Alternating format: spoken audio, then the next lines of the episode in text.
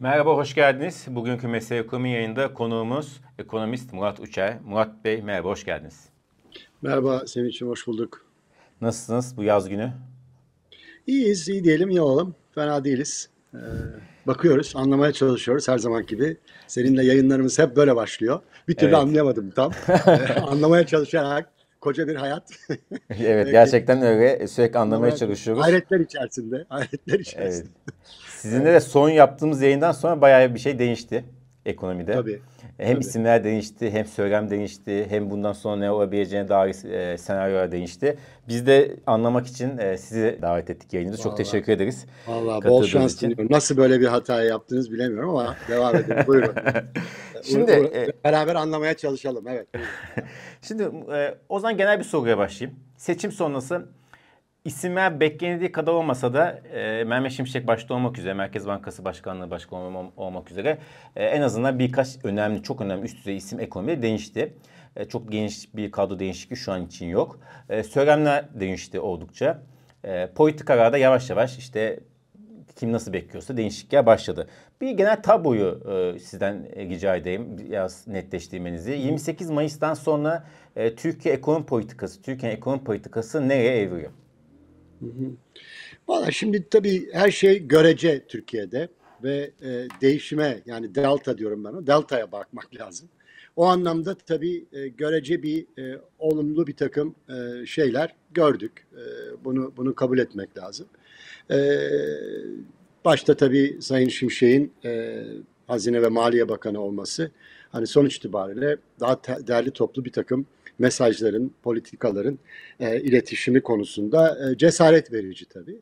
Ama son tahlilde hani e, siyasi destek sınırlı, manevra alanı e, sınırlı, e, yani yapılabilecekler e, oldukça dediğin gibi demin kadrolardaki değişim çok yavaş gidiyor e, vesaire.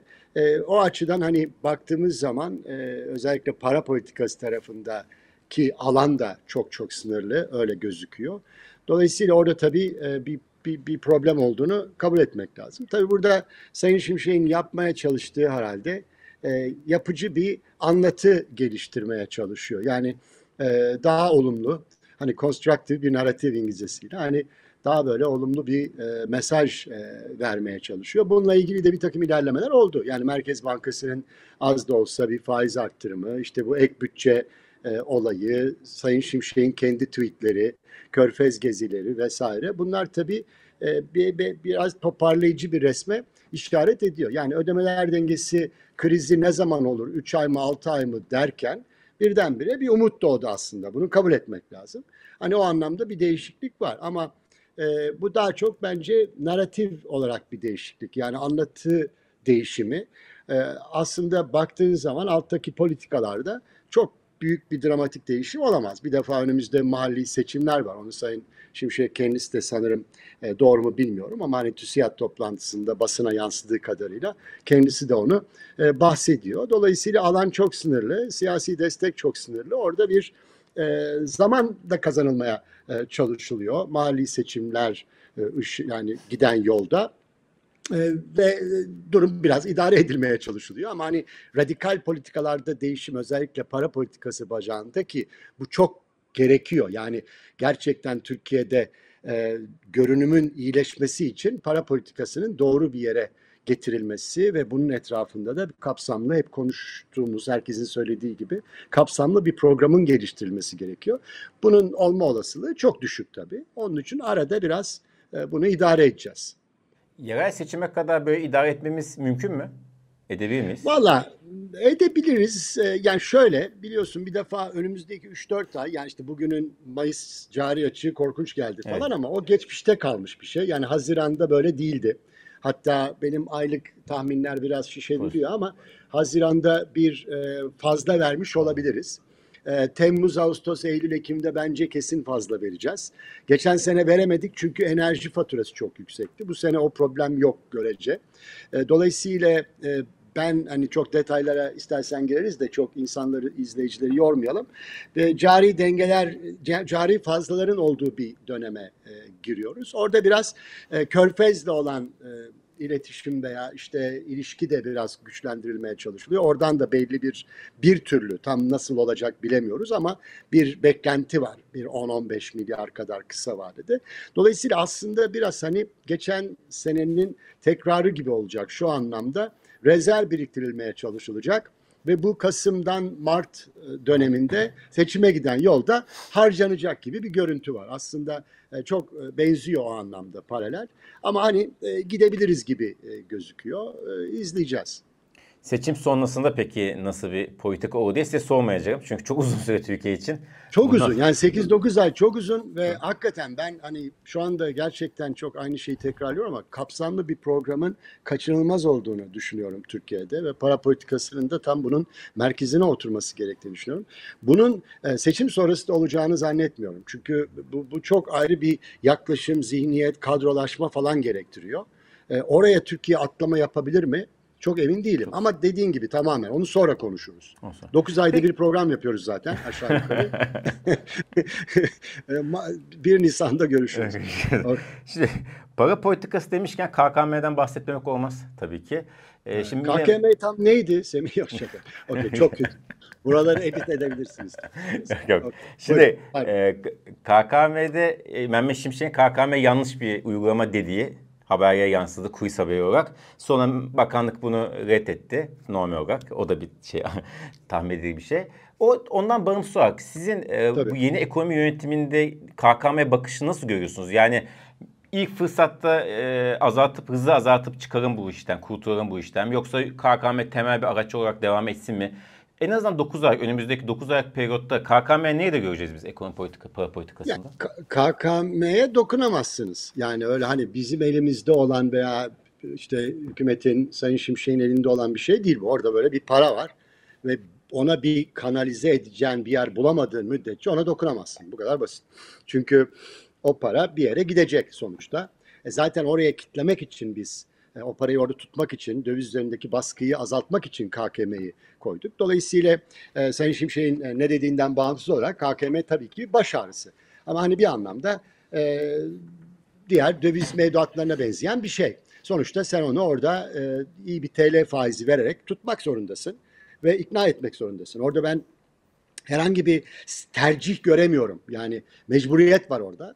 E, ve bunu da mesela demin işte kapsamlı program hep aynı şeyi söylüyorum dediğim gibi yani bu para politikasını doğru yere koymak mesela çok kritik o anlamda. Yani siz ne zaman işte çok basit bir şey söyleyeceğim herkesin bildiği ama yani e, siz kuru kalıcı olarak istikrara kavuşturmazsanız, dezenflasyon mesajı veremezseniz e, ikna edici olarak para politikasını bunun en başında doğru yere koymazsanız bunlar hep problem olmaya devam edecek. Yani sizin burada bir e, nasıl söyleyeyim olumlu bir e, döngü başlatmanız lazım. Yani aa insanlar diyecekler. Zaten doğal olarak insanlar KKM'den çıkmak isteyecekler. Yani o tarz bir de, denge nasıl söyleyeyim o tarz bir dinamiği başlatmanız lazım. KKM onun dışında bir e, tercih meselesi değil. Mecburiyet. KKM yüzdürülecek. Yüzdürülecek. Yani evet. o para dediğim gibi başka bir yere gidecek aksi takdirde. Onun bir kısmı da döviz olacak. E, böyle bir şey yapamayız yani. Yapılamaz yani. evet öyle bir şey şu an için çok mümkün gözükmüyor. Peki hı hı. E, bu seçim öncesi çok konuşuldu biliyorsunuz. Yabancı raporlarında, e, yabancı kuruluşların raporlarında en çok konuşulduğu şey döviz ne olacak? İşte muhalefet seçilse su seviye, iktidar seçilse su seviye diye. E, esasında beklentilerden hızlı bir şekilde tırmandı diyebiliriz en azından o raporların geneline. Daha yıl sonuna doğru, yani yıl sonuna kadar olan bir hareket neredeyse bir, bir ay içerisinde oldu. Hı hı. E, ama şu anda biraz daha sakin. Tabii biraz hı hı. dövize satıyor bazı günü onu da biliyoruz. Kamu satıyor. E, hı hı. Siz nasıl yaklaşıyorsunuz? Yani sizce e, işte dövizdeki o suni denge e, aşırıda ve bir seviyeye gerilmesine izin verildi. Bu sırada rezerv de birikti ve an, bundan sonra döviz artık çok da hızlı hareket etmez diyebilir miyiz? Yani anomali, anomalite bitti mi döviz kurlarındaki denge? Yani yok yani 19. bir denge oluştuğunu söylemek için yok. Her hafta bakacağız açıkçası. Her gün heyecanlı bir gün olarak tarihe geçecek. Burada bir avantajımız yani ben biraz e, eski okul makrocu olarak ödemeler dengesinde fazla vereceğimiz bir döneme girmeyi bir avantaj olarak görüyorum. Eğer hani retail demand dediğimiz e, mevduat sahibinin döviz talebini falan da tutabilirsek aslında rezerv biriktirilebilecek bir dönem olur e, rezerv birikemediği zaman zaten bence kur bırakılacak. Öyle bir dinamiğe hmm. gireceğiz diye düşünüyorum. Yani ben orada doğru yanlış zaten hepimiz biliyorsun günlük rezervleri bilançodan bir gün gecikmeyle de, değişime bakarak izlemeye çalışıyoruz. E, bugün bakamadım yani zaten daha yeni geldi herhalde dünkü rakam falan ama yani net dış varlıklardaki değişim Merkez Bankası'nın e, sürekli olarak negatife dönmez diye düşünüyorum artık. E, döndüğü anda tekrar kur bırakılır diye düşünüyorum. Onu izlemek lazım. E, bu arada tabii e, bir ton restriction, e, sınırlama döviz alımlarında falan devam ediyor. Onlarda da büyük bir gevşeme beklemiyorum açıkçası. Orada çok hassas bir e, işte ödemeler dengesi fazla verecek, sınırlamalar e, devam edecek az az e, net dış varlıkları takip edeceğiz. Orada birikim devam edecek. E, edemezse de kuru bırakacağız şeklinde belki bir e, böyle bir dengeleme e, mekanizması e, düşünülüyor diye düşünüyorum e, ben açıkçası. Yani o mantıklı geliyor bana. Peki e, buna değinmek e, konuşmuşken biraz bu faiz ve enflasyon konuşacağım. Haftaya PPK var Hı. biliyorsunuz.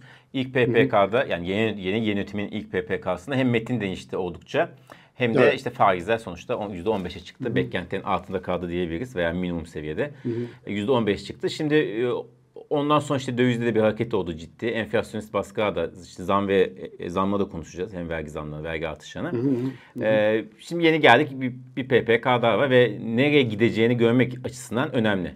Ee, işte %20'ye kadar çıkabilmesi tahmin ediyor. En yüksek senaryo bu söyleniyor. 20-25 arasında da çıkabilir deniyor.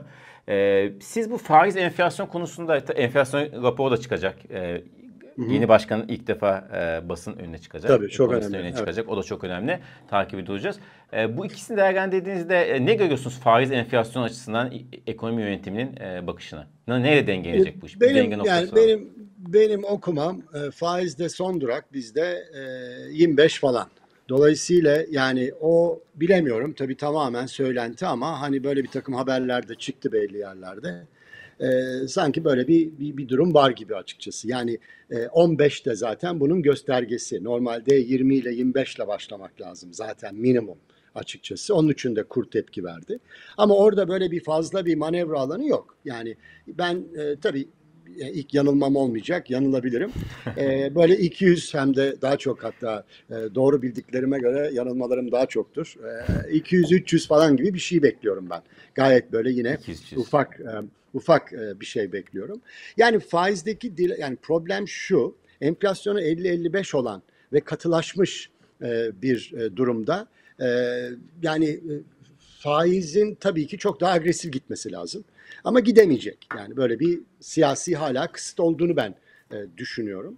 E, dolayısıyla hani oradaki o heyecanlı bekleyiş ve her bir faiz hareketinden sonra ne olur e, şeyi, heyecanlı ve riski e, devam edecek. Ama faiz öne geçmeyecek hiçbir zaman. Geçemez çünkü böyle bir durum e, yok bence. E, bu işte daha çok ne bileyim e, bakılacak, kur bırakılacak.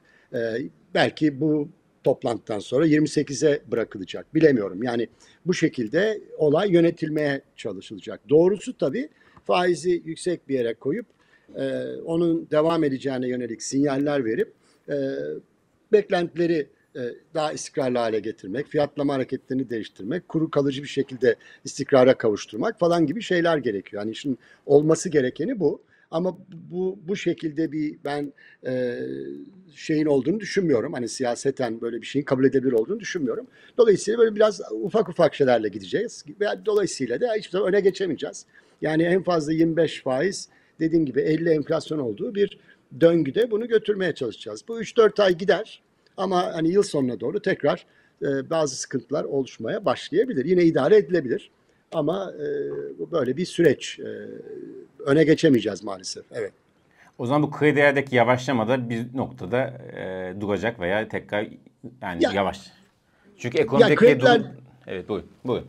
Yok yok çok pardon. Yani kredilerdeki yavaşlama da geçici. Onu da ben şey diye görüyorum. Yine seçime giden yolda tekrar büyüme iyice. Zaten büyüme her zaman öncelikli Türkiye'de. Enflasyon bırakılmış vaziyette bence şu anda. Yani enflasyon tabii e, vurgusu metinlerin çok iyi. Yani gayet çağdaş metinler evet. olarak okuyor ama sonuçta e, hani bu işin şeyi yapabiliyor musun? Yani sonuçta tamam çok doğru mesajlar. Enflasyon analizi de e, çok doğru nihayet falan ama hani sonuçta o zaman sen ne yapıyorsun? Yani bu iş hani e, gö- gösterilmesi gerekiyor. Orada bir tabii eksiklik e, var açıkçası.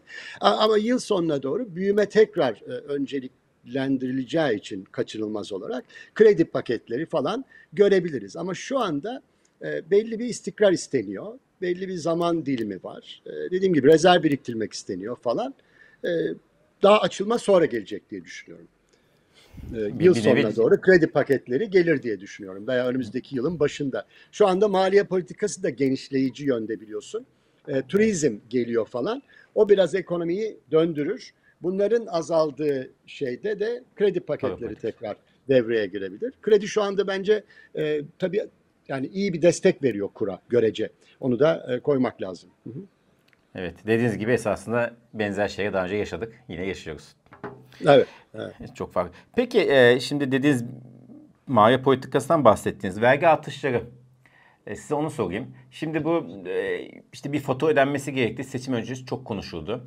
İşte muhalefet de, muhalefet bunu daha çok söyledi tabii. Hatta muhalefeti genel söyleyeyim. Bu sefer işte son dönemde çok para kazanan, çok e, para servet kazanan insanlardan daha çok vergi alınacağı, işte o, oradan finanse edileceği çıkacak faturanın. E, şu an çıkan fatura e, çok büyük bir acı fatura çıkartılmadı henüz. E, ama dediğiniz gibi bazı adımlar atılıyor. Bunun en önemlisi de vergi artışı. E, siz burada ne görüyorsunuz? Gerçekten biliyorsunuz e, işte bu çok siyasi bir tartışmaya dönüm, dönmüştü zaten. Sizin fikriniz nedir? Yani bu vergi artışları e, bu işi düzeltmeye yetecek mi ve hangi kesime daha çok e, zorlayacak? Evet. Yani tabii genele yayılanlar da var. Yani işte KDV'nin e, iki, iki puan arttırılması gibi e, işte ne bileyim e, başka neler vardı. Araba var. İşte mot, e, motor taş- motorlu taşıtlar vergisi falan gibi. Tabii bunlardan herkes etkilenecek ama hani şirketler tarafındaki vergiler tabii görece e, sınırlı kalacak e, genele e, etkisi. Burada tabii şöyle bakmak lazım. Yani 8-9'a giden bir açığı 6-6,5-7'ye çekme e, gayreti var aslında. Yani geçen sene birin altında bitirdik e, genel e, merkezi bütçe açığı olarak konuşuyorum. E, enteresan bir şekilde. Çünkü vergiler çok iyi performans gösterdi. Harcamalar patladı ama biliyorsun vergiler daha da patladı. Bu sene olmadı. Çünkü hem vergiler geride kalmaya başladı 2023'te hem de harcamalar korkunç tabii ki malum sözlerden dolayı artmaya başladı. E, tabii burada hani o maaş artışlarının tamamen e, ek bütçede yansıtılmadığına dair bu işi bilen e, üstadların e, yazdıkları falan filan var. Onları da işin içine katmak lazım. Yani burada aslında 8, 9, 10 artık Allah ne verdiyse giden bir bütçe açığını böyle biraz daha 6'ya çekmek gibi bir e, 6.5'a çekmek gibi bir gayret var. O şu anda 6-6.5'luk bir adjustment dediğimiz yani bir e, vergileme, harcamalarda bir kısıntı var mı? Çok emin değilim. Ama böyle bir e, belki yani sonra bazı şeyler başka şeyler gelebilir. Onu demeye çalışıyorum. Söylenmeden bazı harcamalar ertelenebilir falan. Ona bakacaklar sanırım. E, ama burada böyle bir görece bir gayret var yani. E, birin altına göre bakarsan müthiş bir genişleme var. 8-9'a gittiğimizi kabul edersen de bir e, burada bir e, durumu ayarlama gayreti var ki Sayın Şimşek de onu tweetlerinde vurguluyor. E, yani bu burada işte de, yani ima ettiği oran 6-6,5 gibi işte Maastricht artı e, deprem e, şeyi dediği zaman zaten 6'ya geliyorsunuz 5-5,5-6'ya. Biraz bunu kaçırsanız 6,5 gibi bir rakam var. Yani görece olarak bir şey var ama yine de tabii maliye politikası çok genişleyici bir e, şeyde e, durumda şu anda. E, teşekkür ederiz Murat Bey. Son olarak şunu sormak istiyorum. Biraz daha genel bir soru. E, şimdi CDS 500'ün altına düştü bugün. E, işte Batı ile ilişki Amerika ve Avrupa da bir ne diyeyim yumuşama ve söylem değişikliği var. E, işte İsveç üzerinden NATO ve Avrupa Birliği.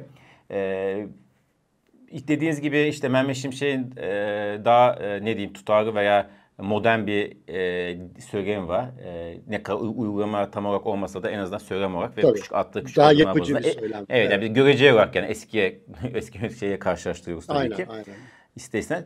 E, Şimdi Türkiye'nin bir de esas itibar döviz ihtiyacı var. E, Hatta birçok ekonomiste göre en önemli sorun bu. E- Enflasyon da önce e, enflasyon da daha önemli bir sorun ve hemen çözülmesi gereken bir sorun. Bu genel değişime bir, bir buçuk aylık değişime baktığınızda Ee, Türkiye'ye bir döviz girişi olma ihtimali var mı sizce? En azından kısa vadede de olsa portföy yatırım olarak girme şansı var mı? Yani konuştuğunuz rakamlara bakar. 3-5 girer ama ciddi bir e, özel portföy girişi e, kaynaklardan, yatırımcılardan ben beklemiyorum açıkçası. Bunun için para politikası, enflasyon, kur dinamiklerinin oturması lazım. Onu da hani başta konuştuk tekrarlamayayım.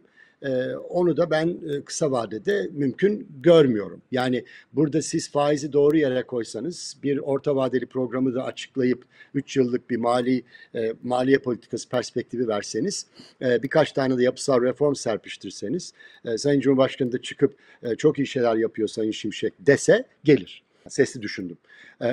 Ama hani yani gelebilecek bu politikalar altında para tamamen fırsatçı paradır. E, tabii ki yaz aylarındaki o cyclical döngüsel e, ödemeler dengesi dinamikleri falan eğer hakikaten doğru çıkarsa oralarda bir giriş olabilir. İşte Haziran'da bir milyar hisse senedi piyasasına biliyorsun geldi falan filan ama böyle ciddi bir sermaye akımı ben beklemiyorum.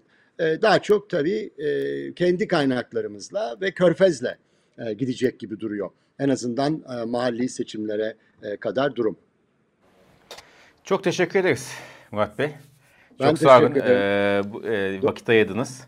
Artık Rica bir ederim. dahaki bir dahaki yayında e, bakalım nasıl bir Türkiye, nasıl bir ekonomi olacak. Evet, ma- mahalli seçimlerden sonra görüşmek üzere. Çok uzun oldu. Hakikaten. Çok teşekkürler. çok teşekkür ederiz. Çok sağ olun. Kolay Çok gelsin. teşekkür ederiz. Görüşmek üzere.